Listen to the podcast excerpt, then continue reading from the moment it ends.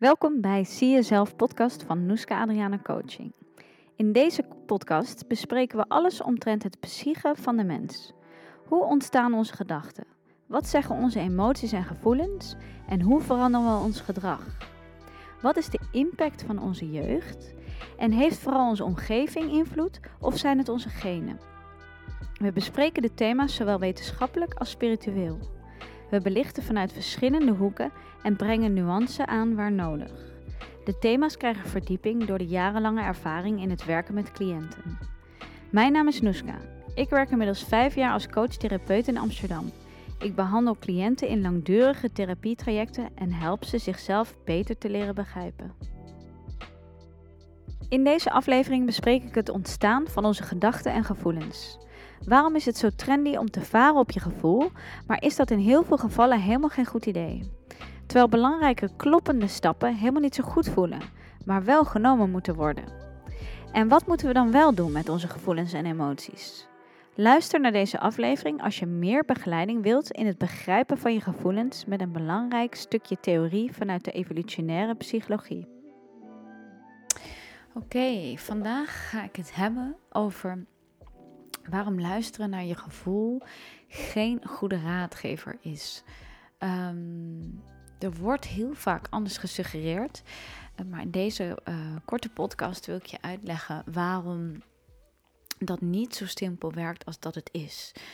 Um, dit betekent overigens niet dat naar je gevoel toegaan of je gevoel toelaten of um, voelen überhaupt niet goed zou zijn. Juist wel. Het gaat er dus niet om dat we de gevoelens ook moeten afweren of moeten blijven onderdrukken of moeten bagatelliseren of rationaliseren. Um, hoewel bepaalde gevoelens in een bepaald perspectief zetten wel heel belangrijk is, is het in de basis en de essentie nodig dat we onze gevoelens toelaten. Dus dat we onszelf wel de ruimte geven om ze te voelen. Maar um, naar je gevoelens luisteren als zijn. dat je gevoelens een bepaalde raadgeving zijn, een bepaalde waarheid uh, verkondigen. Um, dat is niet vaak het geval. En hoe maak je nou dit onderscheid? En, en, en uh, wanneer luister je nou wel naar je gevoelens, wanneer niet? Um, hoe weet je nou eigenlijk wat je gevoelens jou vertellen? Want dan kan je eigenlijk op de juiste manier naar die gevoelens luisteren. Nou, dat ga ik in deze podcast uh, proberen uit te leggen, uh, een basis voor te leggen, een fundament voor te geven. En wellicht volgt er op deze, volgt er op deze nog wel een andere podcast om dit nog verder toe te, liggen, te lichten. Of misschien op een andere manier weer te nuanceren. Oké, het belangrijkste om, om mee te beginnen als we het over dit thema hebben, is um, eigenlijk het gevoel van veiligheid. Um, we kunnen emoties in allerlei vormen en taal gieten, maar als je het heel sec um, vertaalt naar de basis, is het dat we ons veilig voelen of onveilig. Ten opzichte van één emotie staat er ook altijd een andere. Uh, maar goed, dat is dus misschien eentje voor later. Um, maar als we heel sec kijken naar de basis, dan moeten we kijken naar veilig en onveilig. Een onveilig gevoel of een veilig gevoel. En op basis van dat gevoel hè, stellen we onszelf eigenlijk, um, of geven we onszelf eigenlijk de ruimte om iets te doen of, er, uh, of iets te ondernemen of iets um, ja, tot actie te komen. En bij een onveilig gevoel uh, willen we graag anticiperen op dat onveilige gevoel en blijven het liefst in ons holletje zitten waar we zitten. Um, en verroeren we ons niet. Nou, in de basis komt dat natuurlijk uh, vandaan van het feit dat we als mens net zo werken als dieren. En dat Um, er is een heel groot verschil tussen de mensen en dieren, daar kom ik straks op. Maar dat suggereert dus ook dat we, uh, dat we eigenlijk evolutionair te verklaren zijn. En dat stoot, uh, merk ik soms in mijn vakgebied, uh, een, een, mens tegen de borst. Hè? ehm, als we vanuit de evolutie gaan kijken, dan zijn er soms zelfs wel bij mensen twijfels of evolutie, evolutie wel bestaat. Maar wanneer we ervan uitgaan, hè, van een natuurwet, dat wij als mens eigenlijk net zoals dier, als dieren in die zin niet verschillen, dat het wat wij doen eigenlijk ten alle tijde altijd verklaarbaar is, omdat we eigenlijk een soort een mechanisme zijn wat werkt. Het fijne daaraan is dat we eigenlijk wat we doen nooit voor niets is. Er is altijd een reden waarom we iets doen, of iets zeggen of iets niet doen. Ehm, het mooie daaraan is dat we de psychologie kunnen bestuderen, dat we onszelf kunnen bestuderen, dat we ehm, het vermogen hebben om te zoeken naar verklaringen van ons gedrag, onze emoties, van hoe we ons voelen, ehm, van hoe we denken. En dat stelt ons in staat om ehm, de weerstand die we op de gevoelens kunnen hebben en onze gedachten en op wie we zijn, op te kunnen geven. Als eigenlijk blijkt dat het heel logisch is waarom we op zijn wat we zijn, wie we zijn, waarom we voelen wat we voelen, waarom we denken wat we denken. Oké. Ehm, ja, we gaan dus bij deze podcast uit van de natuurwet. Hè, dat we uh, als mens werken als een mechanisme. En dat, we, um, dat ons gedrag, onze gedachten en onze gevoelens te verklaren zijn. Het verschil tussen mens en dier is eigenlijk het denken zou je kunnen zeggen, de geest, ehm, wat, wat ook wel het psyche genoemd wordt. En, en, en in, het, in het spirituele ook weer de ziel. Um, hoewel daar ook wel weer gesuggereerd wordt dat dieren een ziel hebben. Dus ja, ja, nou goed, dat kan. Um, het denken maakt de mens anders dan de dieren. Je zou eigenlijk kunnen zeggen dat ons mechanisme net zo werkt als bij de dieren, maar dat ons denken daar eigenlijk een heel ander, um, ons een heel ander organisme maakt. Um, ons denken kan ons in de weg zitten hè, van, um, van wat we hier komen doen, van de voortgang van het leven. En uiteindelijk willen we ons denken zoveel mogelijk in lijn krijgen met die expressie, met het uiting geven aan onszelf. Waar, waarbij je zou kunnen zeggen dat dieren daar eigenlijk niet in geremd worden. Soms zou je kunnen zeggen dat sommige menselijke uitspattingen een beetje dierlijk zijn. Wanneer we ons eigenlijk weinig aanpassen en eigenlijk misschien wel ons gedragen naar ehm, wat de natuur van ons vraagt. Of ehm, wat nodig is voor overleving en voortplanting. Nou, de mens, zou je kunnen zeggen, is door het denken um, in het mensenleven bestaan er veel meer concepten over hoe de mens zou moeten zijn. En passen we ons eigenlijk meer aan aan elkaar. Um, leven wat minder bij de natuur, omdat de natuur he, mild is, maar ook, he, ook vreed kan zijn. En we daar als mensheid met ons denken um, niet meer zo goed bij kunnen. Dus dat denken heeft eigenlijk ook wel gezorgd voor een wat vriendelijker bestaan. Um, en die vriendelijkheid is dus eigenlijk precies weer wat ons als mens beter doet overleven. Hè?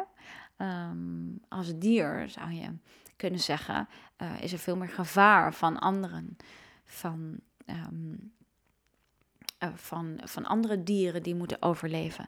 Nou, binnen de mensheid is het juist ons denken en daarmee onze vriendelijkheid die, die maakt dat wij met zo'n grote groep zijn. En um, nou ja, in, in mindere mate zou je kunnen stellen, elkaar um, aanvallen of afmaken ten behoeve van het behoud van eigen soort. Um, nou, dat zou je als verschil van mens en dier uh, kunnen noemen. Maar in de basis zijn we dus net zo goed een mechanisme en zijn onze gedachten en gevoelens en gedragingen te verklaren. Um, nou, om terug te gaan naar waarom luisteren naar je gevoel dus geen beste raadgeving is, is um, dat uh, het begint bij het gevoel van veilig en onveiligheid. Um, in, we krijgen in de basis binnen het gezin eigenlijk onze omgeving mee. Dus de mens als mechanisme past zich aan aan de omgeving. Nou, de eerste omgeving die we kennen is de omgeving van het gezin, hè, van het kind. Ehm, de omgeving waarbinnen we worden opgegroeid en opgevoed. Uh, onze verzorgers, dan wel onze ouders, broers, zussen. En op een gegeven moment verandert een groot deel van onze omgeving naar school. Dus dat wordt ook een hele belangrijke omgeving die een grote impact en indruk maakt op ons leven. Ehm, we passen ons aan aan onze omgeving zodat we het beste kunnen overleven. Dit betekent dat we aan een heel vroeg stadium uh, onszelf ontwikkelen en eigenschappen creëren die uh, in, dat, in die omgeving het beste gedijen. Um, dat suggereert eigenlijk al dat we dus heel veel eigenschappen ontwikkelen die, die we ons karakter noemen, die niet zoveel te maken hebben met genen of met, um, ja, met een bepaalde uniekheid. Dan wel dat het, het kan wel uniek zijn, um, maar ze worden wel bepaald en gecreëerd door wie wij hè, denken te moeten zijn in onze omgeving. Ehm, dat betekent dat we ook in die eerste jaren een basis leggen over wat wij denken dat veilig is. En het is natuurlijk niet gek dat we de omgeving waarin uh, we worden opgegroeid mm, al gauw bestempelen als veilig. Hoe de omgeving eigenlijk ook is. Dus we kijken daar niet zozeer naar de realiteit. We kijken niet zozeer naar de werkelijkheid. Maar als kind hebben we het nodig dat, ons, dat we onze omgeving uh, de stempel veiligheid geven. En met het idee dat onze omgeving veilig is, hebben we het idee dat ons leven uitzicht geeft. Dat het uh, de moeite waard is. Dat we, hè, dat er, um, dat we veilig zijn. Dat we um, het, waard zijn, de moeite zijn. Um, dat zijn belangrijke basisfundamenten voor ons als kind om ja, te kunnen ontplooien. Eigenlijk vooral ook om kind te zijn. Hè? Dus om kinderlijke eigenschappen te kunnen ontplooien als hè, uh, impulsiviteit, naïviteit. Um, ontdekken. ontdekken. Hè, als je gelooft als kind en, en dat je omgeving veilig is, dan kan je hè, in eh, je eigen impulsiviteit, impulsiviteit ontwikkelen. Maar je kan daardoor ook uh, je eigen manier van ondernemen en ontdekken um, ontwikkelen, zonder dat je constant op je hoede hoeft te zijn. Hè. Deze omgeving is veilig. Ik kan hier in alle rust op stoelen en tafels staan, want het is, dat is al voor mij gecreëerd, deze veiligheid. Hè. Ik word in de gaten gehouden. Um, Ehm, de, de, de, de leefomgeving waarin ik ben houdt rekening met, met, met mij en met dat ik kind ben. dus ik kan hier in alle rust ontplooien. En dat gaat eigenlijk over dat het kind het gevoel moet hebben dat het dus alleen aan zichzelf hoeft te denken. Nou, uh, op jonge leeftijd leren we al in hoeverre dat kan. Hè? Stel dat we dus constant um, in onze omgeving eigenlijk teleurgesteld worden en, en angst moeten ervaren, onveiligheid ervaren. Um, en daardoor eigenlijk tot de conclusie komen dat het helemaal niet zo veilig is, is wat we doen dat wij onszelf aanpassen. Dus in plaats van dat we de omgeving ook daadwerkelijk als onveilig bestempelen, keert het onveilige gevoel zich naar binnen en gaan we kijken wat wij kunnen doen om ons alsnog veilig te voelen. Nou, dat doen we door ons aan te passen Um, dat doen we door ons in te houden. Um, dat doen we door um, te onderdrukken. dat doen we door wellicht hele andere eigenschappen naar voren te laten komen. en zo so aan. wat we niet doen, is de, is de omgeving als onveilig bestempelen. De reden waarom we dat niet doen, is wanneer we als kind in een totale afhankelijkheid zijn van onze omgeving en de omgeving onveilig is, dan wordt ons leven uitzichtloos. We zijn afhankelijk van die omgeving, maar de omgeving is onveilig. Ja, dat zou een totaal uitzichtloze situatie creëren. Nou, om ons in die uitzichtloze situatie het, hè, te kunnen overleven en uitzicht te houden. Want een uitzichtloze situatie zou betekenen dat we eigenlijk ook niet meer nodig vinden, niet meer in staat zijn om ons te verdedigen. Hè, wanneer we worden aangevallen of wanneer er iets gebeurt. Dus hè, de, de, het, het, het overlevings, de overlevingsdrang in ons zorgt ervoor dat we eigenlijk de omgeving blijven bestempelen als veilig en dat we onszelf dan gaan aanpassen aan die omgeving.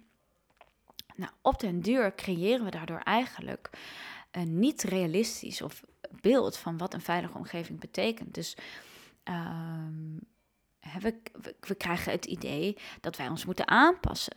Dat het aan ons ligt. Dat er dingen mis zijn aan ons, aan onszelf. Aan, um, aan de gevoelens die we ervaren. Aan de behoeftes die we hebben. Aan de wensen die we voelen. Aan de verlangens die we ervaren. En dat het de bedoeling is dat we die maar onderdrukken of wegstoppen. Of um, niet tot uiting laten komen. Want hè, de omgeving laat zien dat er geen plek is voor is. Geen ruimte voor is. Er is geen weerspiegeling van dergelijke emoties en gevoelens in de omgeving. Um, kortom, we voelen ons met deze gevoelens, met deze verlangens, met deze behoeften onveilig in de omgeving waar we zijn. En wat we doen is dat we ons dus aanpassen. We onderdrukken die gevoelens en behoeften. En daardoor creëren we eigenlijk weer een veilige omgeving waar we wel kunnen zijn. Nou, terug te komen naar de stelling waarom luisteren naar je gevoel geen beste raadgever is, is dat we eigenlijk in het nu huidige situaties nog steeds als veilig kunnen ervaren, omdat we precies hier moeten zijn zoals we onszelf altijd hebben moeten gedragen of moeten voelen in onze omgeving uit onze jeugd. Um, dat betekent dat bepaalde omgevingen voor ons als veilig kunnen voelen, omdat ze eigenlijk hetzelfde zijn als de omgeving uit onze jeugd. En ze eigenlijk van ons vragen hetzelfde te doen wat we altijd hebben gedaan. Dat kan soms een heel goed gevoel geven. dat kan soms het gevoel of het idee geven dat dit veilig is. Wat we eigenlijk voelen is: hey, dit is een omgeving waarin ik weet wat ik moet doen. Dit verklaart ook waarom hè, mensen, kinderen met een hele onveilige jeugd, constant onveilige situaties blijven opzoeken. En niet voelen of doorhebben dat dit hele onveilige situaties zijn. Nee, ze weten immers, hoe ze in deze situaties zich moeten gedragen. Wat er van hun verwacht wordt. Um, ze kunnen met hun onderdrukte verlangens en gevoelens ook in deze situatie eigenlijk anticiperen. Hè? En dat is dat is de treurigheid van de zaak, de ernst van de zaak. Dat uh, er niet goed gevoeld wordt dat deze situatie eigenlijk voor een, een normale zelfontwikkeling onveilig is. Maar als we geen normale zelfontwikkeling kennen, en dat betekent dat we weerspiegeling moeten hebben gehad op, op, op, op, op alle emoties, hè, en daarmee bedoel ik dat we een omgeving moeten hebben gekend waarin we alle vormen en emoties hebben gezien, um, dat we alle um, al onze emoties hebben terug kunnen zien, kunnen gespiegeld hebben gekregen, zodat we een idee hadden van wat we met die emoties zouden moeten doen of hoe we die zouden vorm moeten geven. Nou, wanneer er dus om, hè, dat is een onderdeel van een, een belangrijke veilige omgeving. Uh, maar natuurlijk ook gewoon waar er uiting uh, gegeven kan worden aan verdriet. Waar er op een veilige manier uiting gegeven kan worden aan boosheid aan een sterke wil. Um, die heus niet altijd, um, waar heus niet altijd aan toegegeven moet zijn geworden. Want er moet, het geldt, er moet ook een veilige omgeving gecreëerd worden door middel van grenzen en, en um, bepaalde beperkingen. Hè, die eigenlijk aangeven, dit is het kader waarbinnen jij vrij mag zijn. Hè, onbeperkte vrijheid is niet veilig. Hè, een, vrij, omgeving waarin zogenaamd alles kan. En waar er in de beginjaren geen goed of fout bestaan, is heel onveilig. Um, dat betekent namelijk dat je in je latere omgeving eigenlijk ook niet meer goed um, kan indelen in goed en fout. En dat is op bepaalde lagen natuurlijk mooi. Hè? Er zijn bepaalde lagen in onszelf waar we de goed en fout laag best mogen loslaten. Uh, sterker nog, waar we de goed en fout laat, laag uh, moeten loslaten, willen we beter met elkaar kunnen samenleven. Maar op bepaalde lagen is de goed en fout stempel eigenlijk heel belangrijk. Omdat we alles anders, hè, van alles uh, toestaan en toezeggen. Waar mensen eigenlijk over je grenzen heen gaan. Nou, het luisteren naar, waarom het luisteren naar je gevoel dus geen raadgever is, is omdat die gevoelens zijn afgestemd op de omgeving. Op de omgeving die je kent, die net zo goed onveilig kan zijn. Dat betekent dus dat ehm, we soms in bepaalde groepen mensen een veilig gevoel krijgen, maar dat deze groep mensen eigenlijk precies hetzelfde doet als de omgeving van jou van vroeger. En dat je er daarom een veilig gevoel bij krijgt. Misschien onderdrukt deze omgeving ook wel gevoelens. Misschien gaat deze omgeving ook wel voorbij aan bepaalde regels en wetten. En uh, heb je daar, daar een veilig gevoel bij, omdat dat vroeger ook zo was. Um, misschien stelt deze omgeving zichzelf ook wel heel erg centraal in plaats van jou. En dat ben je gewend, hè? om jezelf eigenlijk maar constant weg te geven. Uh, in plaats van bij jezelf te blijven. Omdat je constant eigenlijk aan de behoeften uh, moest voldoen van je omgeving. En vervolgens zoeken we een omgeving op waarin we dat opnieuw weer doen. En dat kan soms heel goed voelen. Wat daarentegen minder goed kan voelen, is om ruimte te maken voor jezelf in zo'n omgeving. Want dat voelt eigenlijk precies zoals het vroeger voelde. Um, de angst voor afwijzing kan dan opkomen, de angst voor um, anders zijn, de angst voor er niet meer bij horen, de angst voor genegeerd worden. Um, zodra we eigenlijk onszelf belangrijk maken. Um, dat betekent dat onszelf belangrijk maken helemaal niet zo goed voelt vaak. Ons, en er is natuurlijk ook een gradatie waarin maken we onszelf weer veel te belangrijk. Dus wanneer we vaak het onszelf belangrijk maken um, niet kennen, uh, op een gezonde manier vanuit onze jeugd, zal je terugzien dat we of onszelf helemaal wegvagen of helemaal naar de andere kant bewegen en onszelf zo belangrijk maken hè, op een manier dat we eigenlijk ook weer de contact met de samenleving verliezen. En dat is wat we veel zien. Hè? Eigenlijk aan de ene kant dat we onszelf volledig tot de ander uh, richten en in dynamieken met de ander eigenlijk onszelf verliezen. Mm bang om afspraken af te zeggen. Um, slecht kunnen inchecken bij onszelf, waar onze behoeftes liggen. Onze behoeftes eigenlijk niet goed voelen, constant de ander laten bepalen. Dus in bepaalde relaties zien we dat we onszelf eigenlijk constant wegvagen, waarna we in relaties met anderen weer kunnen zien dat we onszelf buitensporig belangrijk maken. Wat nu veel te zien is hè, in de relatie die we hebben met de samenleving. Daar lijkt nu ook een hele grote groep zichzelf um, ten opzichte van de rest van de samenleving heel belangrijk te maken. En zich daar niet meer onderdeel van te voelen of willen voelen. En wat betekent dat er ook een andere kant moet zijn. Wat betekent dat er ergens dus ook um, nog een, een, een kant is waarin we onszelf compleet weggeven waarin we dus relaties aangaan, waarin we nog steeds en opnieuw um, onze autonomie verliezen in de verbinding.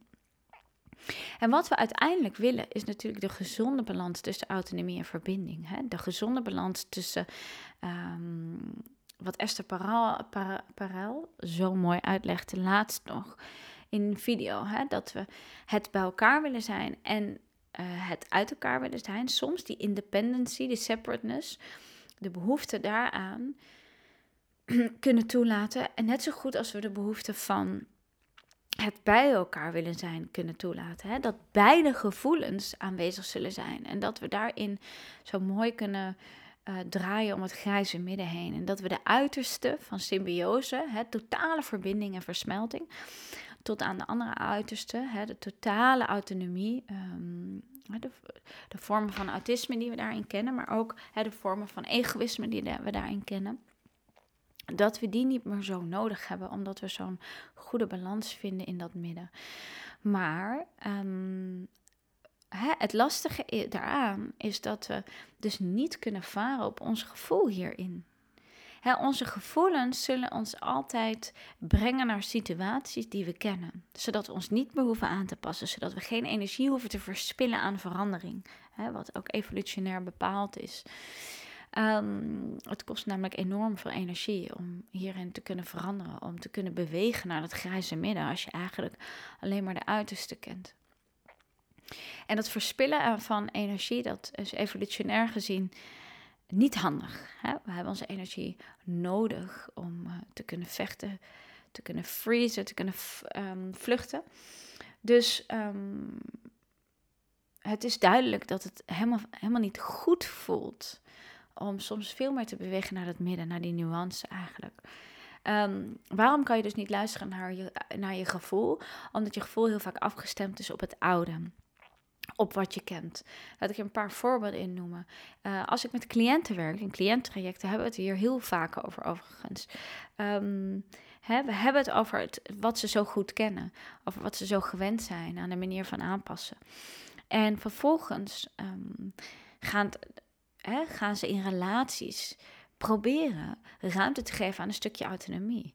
En kijken of er in relaties waar ze gewend zijn, hè, zelf weg te cijferen, waarin ze eigenlijk gewend zijn um, um, het, het, het zelf zo weg te geven, gaan we kijken of er ook ruimte is voor het zelf.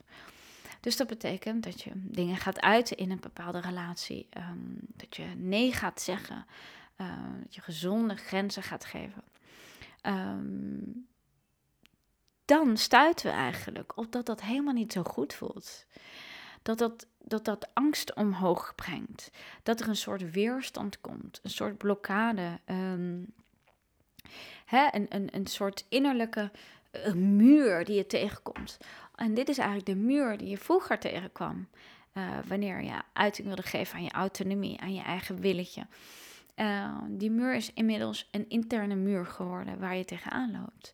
Met andere woorden, mijn cliënten zitten hier bij mij en zeggen: Dit voelt helemaal niet goed om te doen. Nee, exact.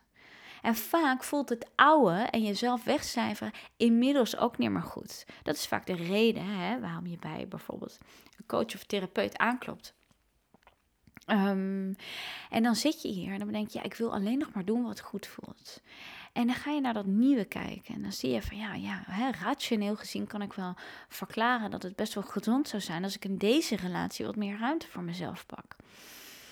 En dan merk je dat dat helemaal niet zo goed voelt. Nee, het is niet wat je kent. Het is niet wat je gewend bent. En bij het um, uiting geven aan dit stuk van jezelf, stuit je eigenlijk op een muur. Je hebt jezelf namelijk eigenlijk afgesloten van dit stuk van jezelf.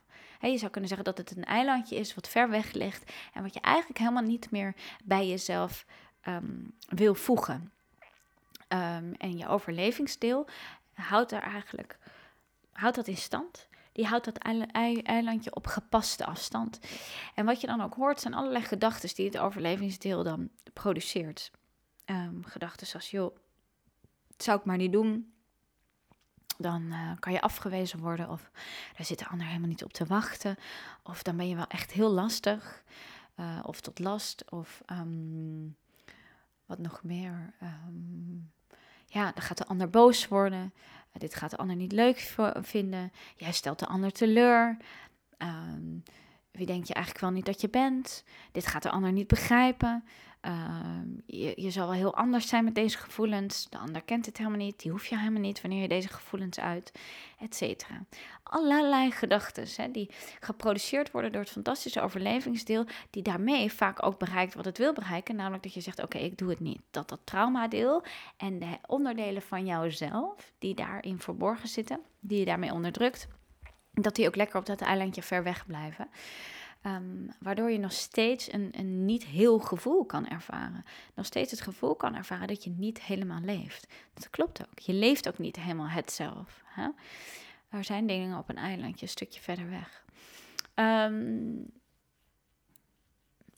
met andere woorden, het voelt vaak helemaal niet goed. Wanneer je dingen gaat doen die wel kloppen die wel kloppen, omdat ze um, veel meer in de richting gaan van heel zijn. Dat ze veel meer in de richting komen van heel worden.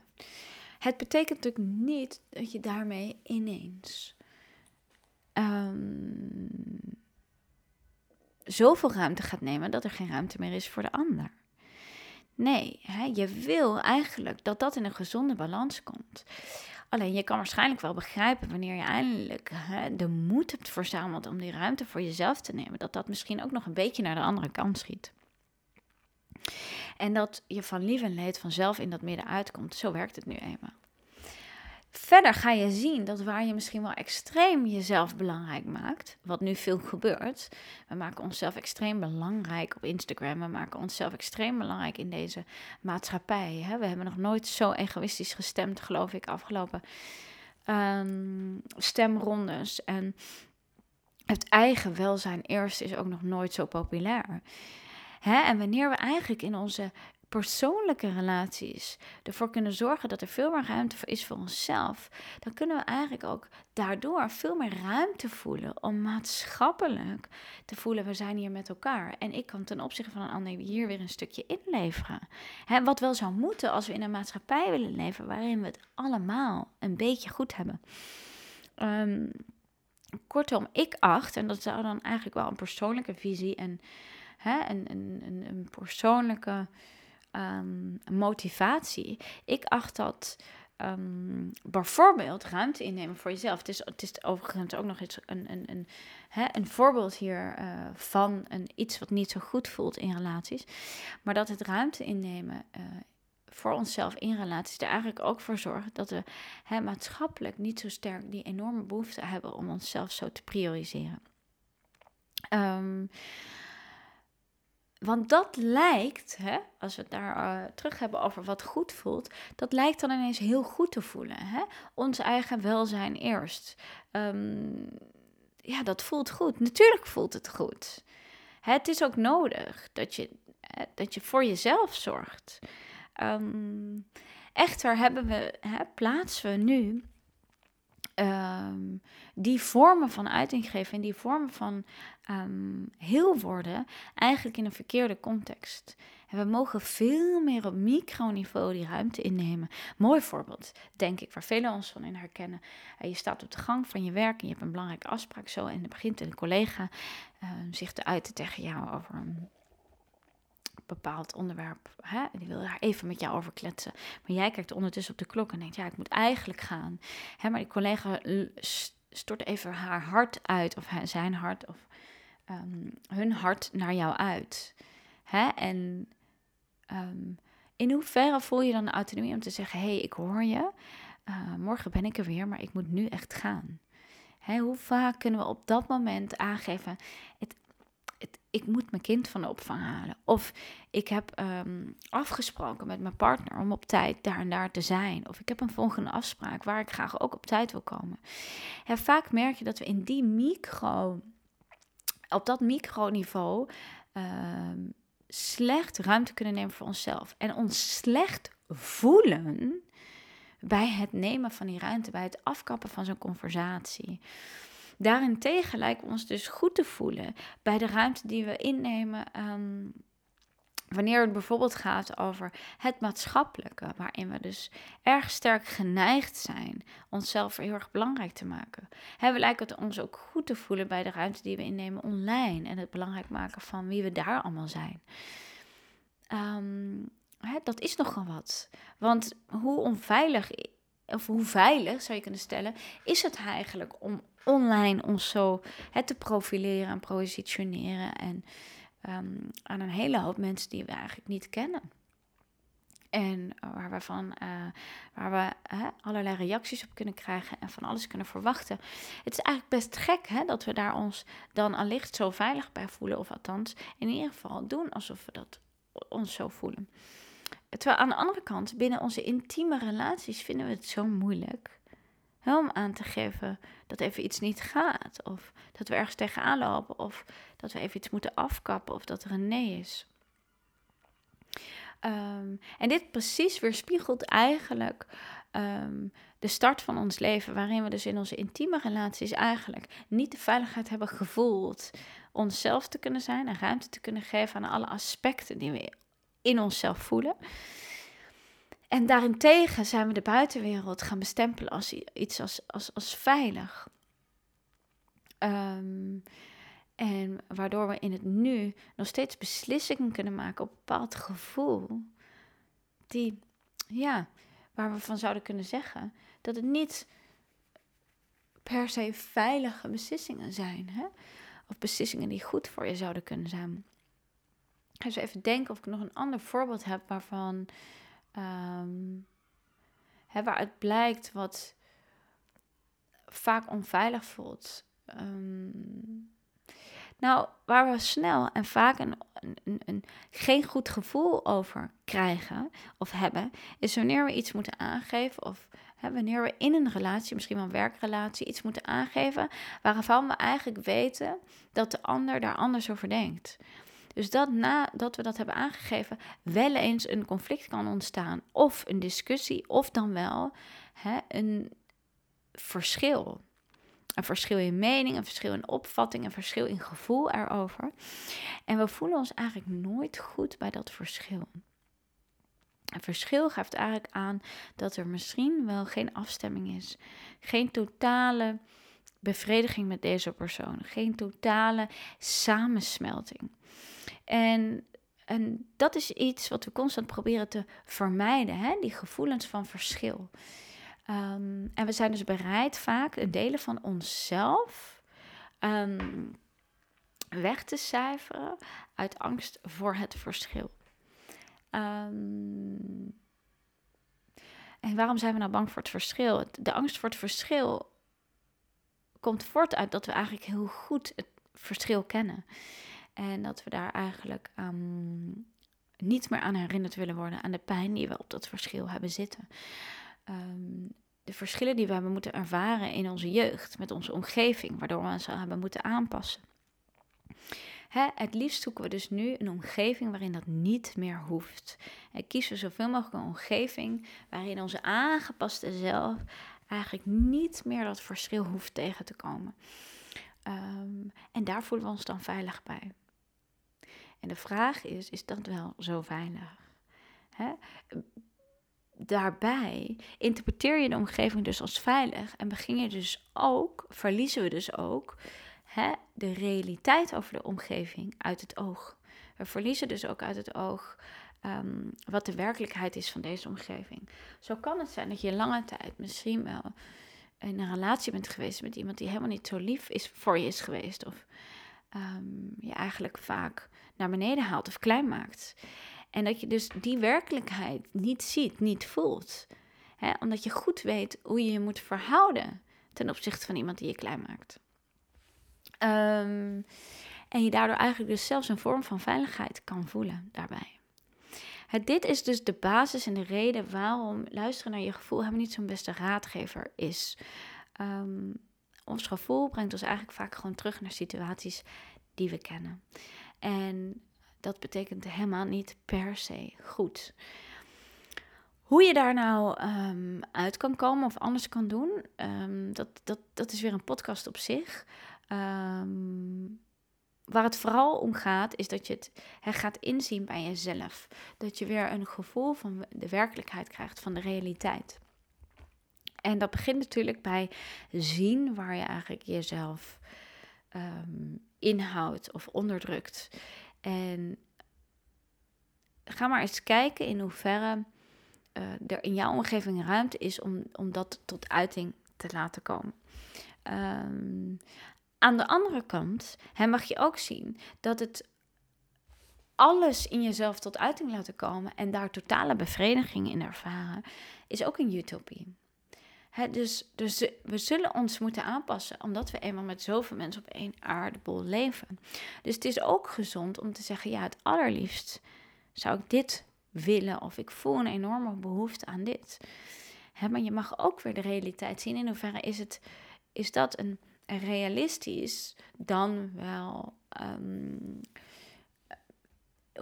dan wel een idee waarin ik wel onderdeel uitmaak van het geheel. Je wilt contact met het geheel niet verliezen.